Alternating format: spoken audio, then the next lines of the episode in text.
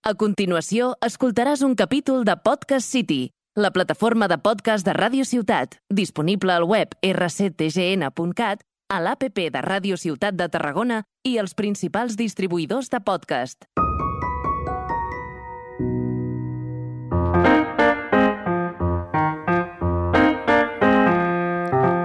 El podcast de Aspercamp, una producció de l'associació Aspercamp del Camp de Tarragona.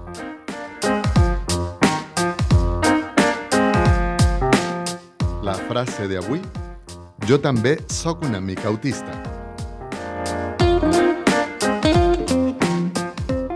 De la família d'Aspercamp, avui estem aquí Vanessa, mare i dona amb diagnòstic Asperger-TEA, Laura, mare i directora d'Aspercamp, Lídia, psicòloga especialitzada en TEA, i qui parla Alexander, pare i membre de la Junta d'Aspercamp.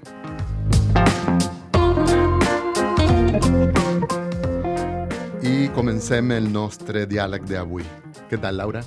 Pues molt bé, molt contenta de tornar a ser aquí, repetir podcast a Ràdio Ciutat de Tarragona. Hola, Vanessa, què tal?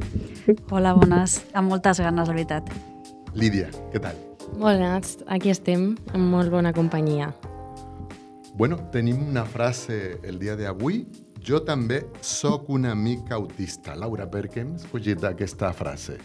Bueno, perquè és una frase que ens preocupa molt sentir-la tan sovint. No? Moltes famílies, quan expliquem la condició dels nostres fills, moltes persones adultes que venen a l'associació també ens comenten no? de, de la falta d'importància del que realment significa a quan tu expliques que tens autisme. No? La, la falta de, de comprensió de què és el que pot estar passant una persona amb el diagnòstic de trastorn de l'espectre autista. Llavors hem dit, bueno, pues aprofitem l'oportunitat que ens dona Ràdio Ciutat de Tarragona per al podcast, per explicar a tothom que tot i que és una frase que, que sovint s'utilitza doncs, per, per deixar de preocupar l'altra persona, sí que detectem que darrere hi ha un desconeixement important, per tant aprofitarem el podcast d'avui per a veure si els nostres oients pues, aprenem una mica més de té entre tots. Molt bé. Vanessa, tu que ets una persona diagnosticada en autisme, imagino que moltes vegades has sentit aquesta afirmació. Jo també sóc una mica autista. La veritat és que sí, que la sento molt més del que m'agradaria.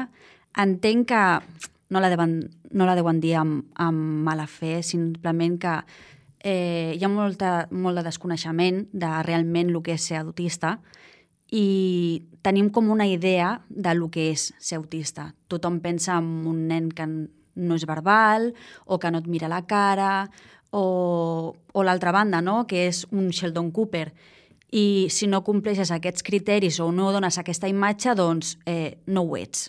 I jo crec que aquest és el, el principal problema, amb la imatge que tenim gravada del que és. Lídia, tu com a psicòloga i especialista en autisme, com veus això? Una persona neurotípica pot tenir una mica d'autisme? Mm, ja, definitivament no. eh, bueno, l'autisme és eh, un diagnòstic que els professionals donem en base a uns criteris. Eh, aquests criteris diagnòstics s'han de complir i no s'han de complir una mica, no? s'han de complir sencers. És a dir, perquè jo pugui eh, fer un, tot un diagnòstic d'autisme, mm, principalment s'han de complir els criteris, un parell de criteris. Eh, per una banda tenim els patrons restrictius i repetitius de comportament i d'interessos. Això què vol dir? Doncs a, a un pensament hiperfocalitzat, a moviments repetitius o parla repetitiva, eh, hipersensibilitat o hiposensibilitat, també parlem d'això quan parlem de patrons restrictius, i per l'altra banda també parlem d'alteracions en la comunicació i les relacions socials um, alteracions que no només tenen a veure amb la mirada, o, que, que és molt típica, no? no? no ens mira els ulls, doncs ja és com a un criteri molt clar. Doncs bé, és un dels dels tants elements de la comunicació no verbal. Podríem parlar dels gestos, podríem parlar també de la reciprocitat eh, socioemocional, podríem parlar de les alteracions que n'hi ha eh, en les relacions i en el manteniment de les relacions. I llavors quan complim tots aquests criteris, tenim un diagnòstic d'autisme. Què passa? Que moltes vegades eh, bueno, parlem de moltes manifestacions que no acaben de complir un criteri sencer i parlem de potser un diagnòstic subclínic d'autisme o certes manifestacions d'autisme. I això els professionals no haurien de tindre por a ficar-ho perquè li obriria moltes portes a la persona que realment està tenint aquestes manifestacions. Però si no eh, encaixa dins d'aquest diagnòstic subclínic ni d'un diagnòstic d'autisme, no estem parlant d'autisme. I el procés per diagnosticar una persona és un procés llarg, no és una cosa fàcil. Perquè sigui un procés complet, eh, clar, es necessita molta informació, perquè eh, bueno, n'hi ha moltes manifestacions que es, ens podrien confondre, no? Llavors, aquestes manifestacions que ens podrien confondre eh, s'han de mirar, s'han de mirar bé, no només el que passa, sinó el que hi ha darrere mm, perquè si no podríem caure en l'error de dir um, Vanessa, per exemple, mires als ulls? Uh, doncs jo sí que miro, vale, ja està, doncs no comple... aquest criteri no el compleix. Doncs bueno, hem de veure què hi ha darrere. Hi ha angoixa, hi ha molts anys d'intentar eh, tindre estratègies per, eh, bueno, per, perquè no em costi, perquè sembli que no em costi mirar els ulls, llavors hem de mirar una mica més enllà. I Vanessa, això... Vanessa, tu que és una persona diagnosticada, què ha significat per, per tu tenir un diagnòstic precís? Mm, jo crec que el més important és eh, que et dona l'oportunitat de conèixer-te, de conèixer-te i d'entendre't. El, el cervell TEA és diferent, processa diferent. Estem parlant de eh, com reps la informació, la intensitat amb, amb què la reps, o és, pot ser molt alta, pot ser molt baixa quan algú diu jo també sóc una mica autista perquè em molesten els sorolls. I és, el que tu vols que entenguin és que no és que et molestin, és que et fan mal, és que vols fugir d'allà. I amb això passa amb moltes més coses. Realment el que estem parlant és que aquests estímuls fan mal. I jo crec que el més important de tenir el diagnòstic és això, poder-te conèixer i poder buscar les eines específiques que et fan falta per entendre't i per no patir, perquè al final és que eh, ho passes molt malament quan no el tens. Laura. Sí, i amb les famílies passa absolutament igual. Vull dir, crec que tenim que perdre la por de que s'etiqueti als nostres fills, que són missatges que sovint escoltes als centres educatius eh, per part de familiars propers també, pensant que perjudicaràs el teu fill quan és realment tot el contrari. Tu necessites saber el nom de què és el que està passant, no sentir-te culpable, perquè tot el que, que s'està exposant aquí estem parlant d'una diferència que no es veu, que no és evident. Llavors és molt difícil d'entendre, no? I, I hi ha molt desconeixement. Vull dir, tal com, com comentàvem, doncs, l'autisme s'associa molt a lo que era l'autisme clàssic fins fa poc, l'Asperger anava d'una altra no? amb una nomenclatura diferent fins abans de 2013, i ara que s'utilitza aquesta paraula en un aspecte tan gran, on hi ha una variabilitat enorme, a les famílies, professionals sanitaris, de l'educació, socials, inclús a companys, amics i a tothom, aquesta paraula d'autisme ens costa molt d'ubicar de què és el que està passant i posar en dubte que ho puguem tenir. Llavors, mm, no estem parlant d'un etiquetatge, estem parlant d'un accés a serveis adequats, d'una eina que, que ens ajudarà a, a que la persona amb el diagnòstic pugui tenir una vida més, més saludable, per dir-ho d'alguna manera, no? estalviar molts patiments i conèixer millor què és el que, el que li pot estar passant, sense posar en dubte, sense qüestionar, amb una escolta activa sempre i intentant ser molt respectuosos perquè pel fet de que nosaltres no ho entenguéssim no significa que aquella persona ens estigui dient un diagnòstic erroni. O sigui, primer ens hem d'autoqüestionar nosaltres de, de ostres, doncs no dic tindre molt ben entès mm, que és autisme, perquè quan tu li estàs qüestionant a algú algo tan dur que t'està confessant com és la seva condició, l'últim que necessites que li estiguis qüestionant que s'està equivocant. Vull dir, no ens n'adorem, a vegades ho fas per ajudar, el mateix a les famílies, però ningú està desitjant eh, tindre un diagnòstic d'autisme. En això no estic dient que sigui algo dolent, però sí que és veritat que és una complicació ser una persona diferent en una societat que aparentment és molt tolerant quan la realitat no és així. Vull dir, estem parlant d'un col·lectiu de persones que passen molt atur, que hi ha molt bullying i tota una sèrie de patiment que les famílies no anem explicant a quan expliquem el diagnòstic, però que existeix. Clar. Lídia, una cosa, quan les persones confonen una mica les manifestacions de l'autisme, no? hi ha persones que, que afirmen que també tenen dificultat de relació social, d'hipersensibilitat, no? Quina diferència hi ha entre una persona diagnosticada i una que, que no, que diu que, que és? Clar, aquí cap, passen dues coses, perquè les companyes parlaven de, de les conseqüències no? que comporta sí. el confondre manifestacions de l'autisme. Eh, els professionals també ho hem d'aplicar. I aquí mm, puc parlar de dues, bueno, com de dues vies diferents. Per una banda, l'autodiagnòstic, no? moltes vegades, doncs me passa tot això, eh, a mi també m'agraden les rutines, o a mi ja també... He buscat a internet, o he vist algun Exacte. personatge que em sento identificat, sí. no? ja t'autodiagnostic. Total, total, no? I, i bueno, això... Eh, mm, hem vist a adults que s'han autodiagnosticat perquè portaven un, peregrin, portaven un peregrinatge molt fort i, i evidentment estaven encertats, però després també doncs, bueno, ja, ja podem caure en l'error aquest de eh, tinc dos manifestacions pròpies de l'autisme, doncs ja tinc un diagnòstic, com deia abans, eh, hem de fer casa més coses. Però a part d'això, també està eh, la, el problema de poder confondre manifestacions i arribar a diagnòstics eh, que, no, que són erronis, no? perquè davant d'un mate, mateix comportament eh, si jo només em fixo en el comportament, doncs podria caure en que un adolescent per, que, per exemple, té aquesta tendència a obrir i tancar la llum de forma repetitiva, doncs jo podria pensar que estem davant d'un TOC, trastorn obsessiu compulsiu. Però hem de veure per què ho fa. Ho fa per plaer? O ho fa perquè abans de fer aquest moviment l'ha vingut un uh, pensament com a superintrusiu que ha d'intentar aplacar? Doncs és que és molt diferent el per què ho fa. No? Una cosa és una autoestimulació, ho fa per plaer, perquè vol, i que estaria més propi de l'autisme, i si no, estem parlant d'un altre diagnòstic. Confondre diagnòstics, clar, això també té unes conseqüències molt dolentes per la persona i el seu voltant. Clar, a mi m'agradaria afegir que, que moltes vegades arriben famílies a l'associació les quals eh, m'han passat per psicòlegs que si no, no tenen experiència en, amb Altea o, o no tenen una formació específica, els hi han dit que és impossible que el tinguin. I llavors això fa perdre el temps i el diagnòstic quan abans arribi millor, perquè t'estalvies molt patiment, t'estalvies haver, bueno, estar al lloc especialitzat on te poden fer el millor suport. Llavors, és important sempre acudir a, a especialistes que sapiguem que mínimament tenen un mínim d'experiència de, o que estan especialitzats. Sí. Vanessa, en, en el teu cas, tu que has tingut un diagnòstic, quina importància té per a tu tenir un diagnòstic precís?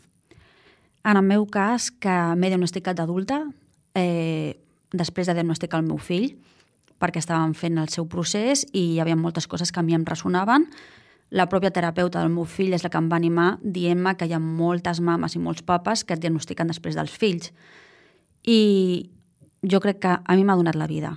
I moltes adultes que conec que també ens ha passat, que tenim un llarg peregrinatge de uh, psicòlegs, eh, psiquiatres, metges, eh, que totes tenim un llarg llistat d'ansietat, depressió i moltes coses que al final no eren i et fan mal perquè no estàs rebent el que necessites. Per això diem que ens dona la vida, perquè ens dona l'oportunitat de conèixer-nos i d'acceptar de, eh, aquesta part i poder treballar aquesta part també, que la tenim com una mica negada. Des de que som molt petites ens neguen aquesta part. I fa mal, molt de mal.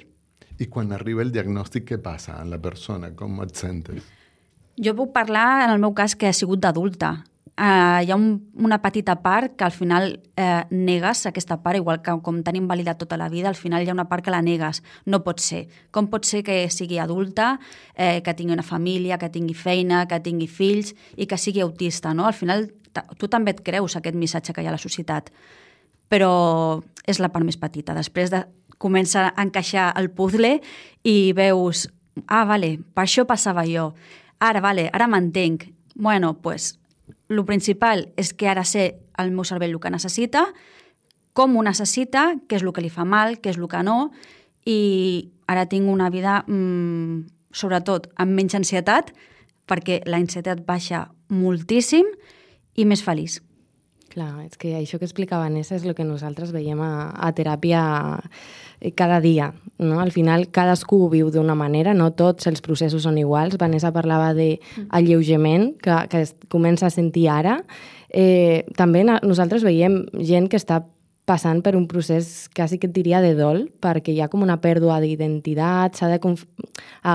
hi ha sentiment d'identitat quan te donen un diagnòstic, no? ja per fi m'identifico amb algo, ja per fi tot té sentit, però també hi ha una pèrdua de lo que havia abans, no? Mm. I llavors has de, bueno, de ficar tot allò en un...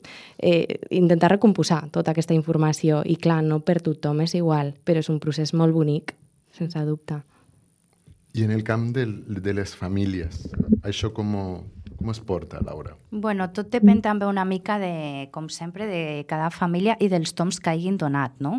N'hi ha algunes que ho reben amb molt agraïment eh, perquè portaven molt temps patint i per fi han trobat eh, la paraula adequada, la, la resposta correcta, per dir-ho d'alguna manera. Molta gent ve d'un diagnòstic erroni de TDAH, per exemple, això cada cop és més comú. I en el cas dels adults, pues, sempre d'ansietats i depressions, bueno, és, és la quotidianitat també de la gran demanda d'adults que hi ha. Llavors, el que és la part de les famílies, pues, com et comentava, dependrà molt de cada cas, però en la majoria dels casos mm, es porta mm, els, que, els que no venen perjudicats per lo que parlàvem abans de l'etiquetatge, que això costa bastant d'assumir, al cap d'un temps se n'adonen, ja s'obliden d'això i se n'adonen que l'estar ben acompanyats eh, estan rebent realment les estratègies que necessitaven, no? I llavors, bueno, depèn de, de l'entorn on estiguin o així, sens dubte el fet de, de tenir el diagnòstic sempre ajuda. Aquesta fase més de, de negació o de com reacciones pot ser una mica més a l'inici, però després no, després et vas relaxant, es va assumint i, i ja et dic, i, i hi ha una mica de tot. Pensa que estem acompanyant més de mig miler de famílies i cada cas és diferent. Eh? Després també hi ha un tema que és el de l'accés als serveis, que em puguin diagnosticar, que em puguin dir una mica què, què està passant, no? Sí, Això bueno, és un sempre... altre tema molt difícil. Sí, o sigui, ja és difícil arribar al diagnòstic adequat, perquè la salut pública està col·lapsada i a part nosaltres, a l'Espercam, ens trobem també amb que nosaltres també estem col·lapsats, però és que venim amb més experiència i més especialització de lo que t'està oferint actualment l'administració. N'hi vam parlar al podcast anterior, no? de que els nostres psicòlegs, ai, els nostres socis fundadors, de seguida van, es van adonar que a nivell sanitari no hi havia els suports que, que es necessitaven i vam crear la infraestructura no? de, de suports Llavors, l'administració a dia d'avui amb això és més autocrítica, està veient que hi ha un nivell de diagnòstics altíssim i estan demanant, s'estan formant, inclús ens estan demanant formació a la nostra entitat. És difícil, ells també estan col·lapsadíssims, ens deriven a molta gent i, i sempre el diagnòstic el que fa pues, bueno, és saber on has de dirigir, però sí que és veritat que l'administració pues, pues està molt col·lapsada i t'obre serveis, però, però no sempre és el cas degut a que els serveis són molt limitats. Bueno, ja és temps de fer una mica de conclusió. Jo tinc una conclusió, la podem fer entre tots, no? Mm. I jo tinc una conclusió de que, no sé, és una mica autista. Lídia. Definitivament, jo crec que avui, si, si ens heu escoltat bé, amb carinyo, ja haureu vist que, que aquesta frase la podem desmentir i anem a parar. Ho fem amb molt bona intenció, això, això no dubtem, però tenim més informació, llavors aquesta frase crec que la podem desterrar. Vanessa? Totalment d'acord. Eh, o ets autista o no ho ets, no pot ser una mica. Laura? Sí, jo em sumo amb, amb tot el que esteu dient i crec que, que una altra conclusió no hi pot haver i, si plau que per molt bona fe que ho fem, pues deixem de fer-ho perquè pretenem ajudar quan en realitat estem perjudicant. Jo recomano una escolta activa, un respecte i un interès de què és el que li està passant a aquella persona en concret tenint l'autisme, perquè mm, és un espectre enorme i a cada persona ho viu de manera diferent Llavors és interessant que aquesta persona propera que tenim en diagnòstic sapiguem bé com la podem ajudar i, i com, com li podem fer la vida més fàcil. Bueno, ja per acabar, és important que la societat pugui anar trencant una sèrie d'estereotips sobre l'autisme i que no ajuden al benestar d'aquestes persones i de les seves famílies. Moltes gràcies i feliç dia. Has escoltat un capítol de Podcast City, la plataforma de podcast de Ràdio Ciutat, disponible al web rctgn.cat, a l'APP de Ràdio Ciutat de Tarragona i els principals distribuïdors de podcast.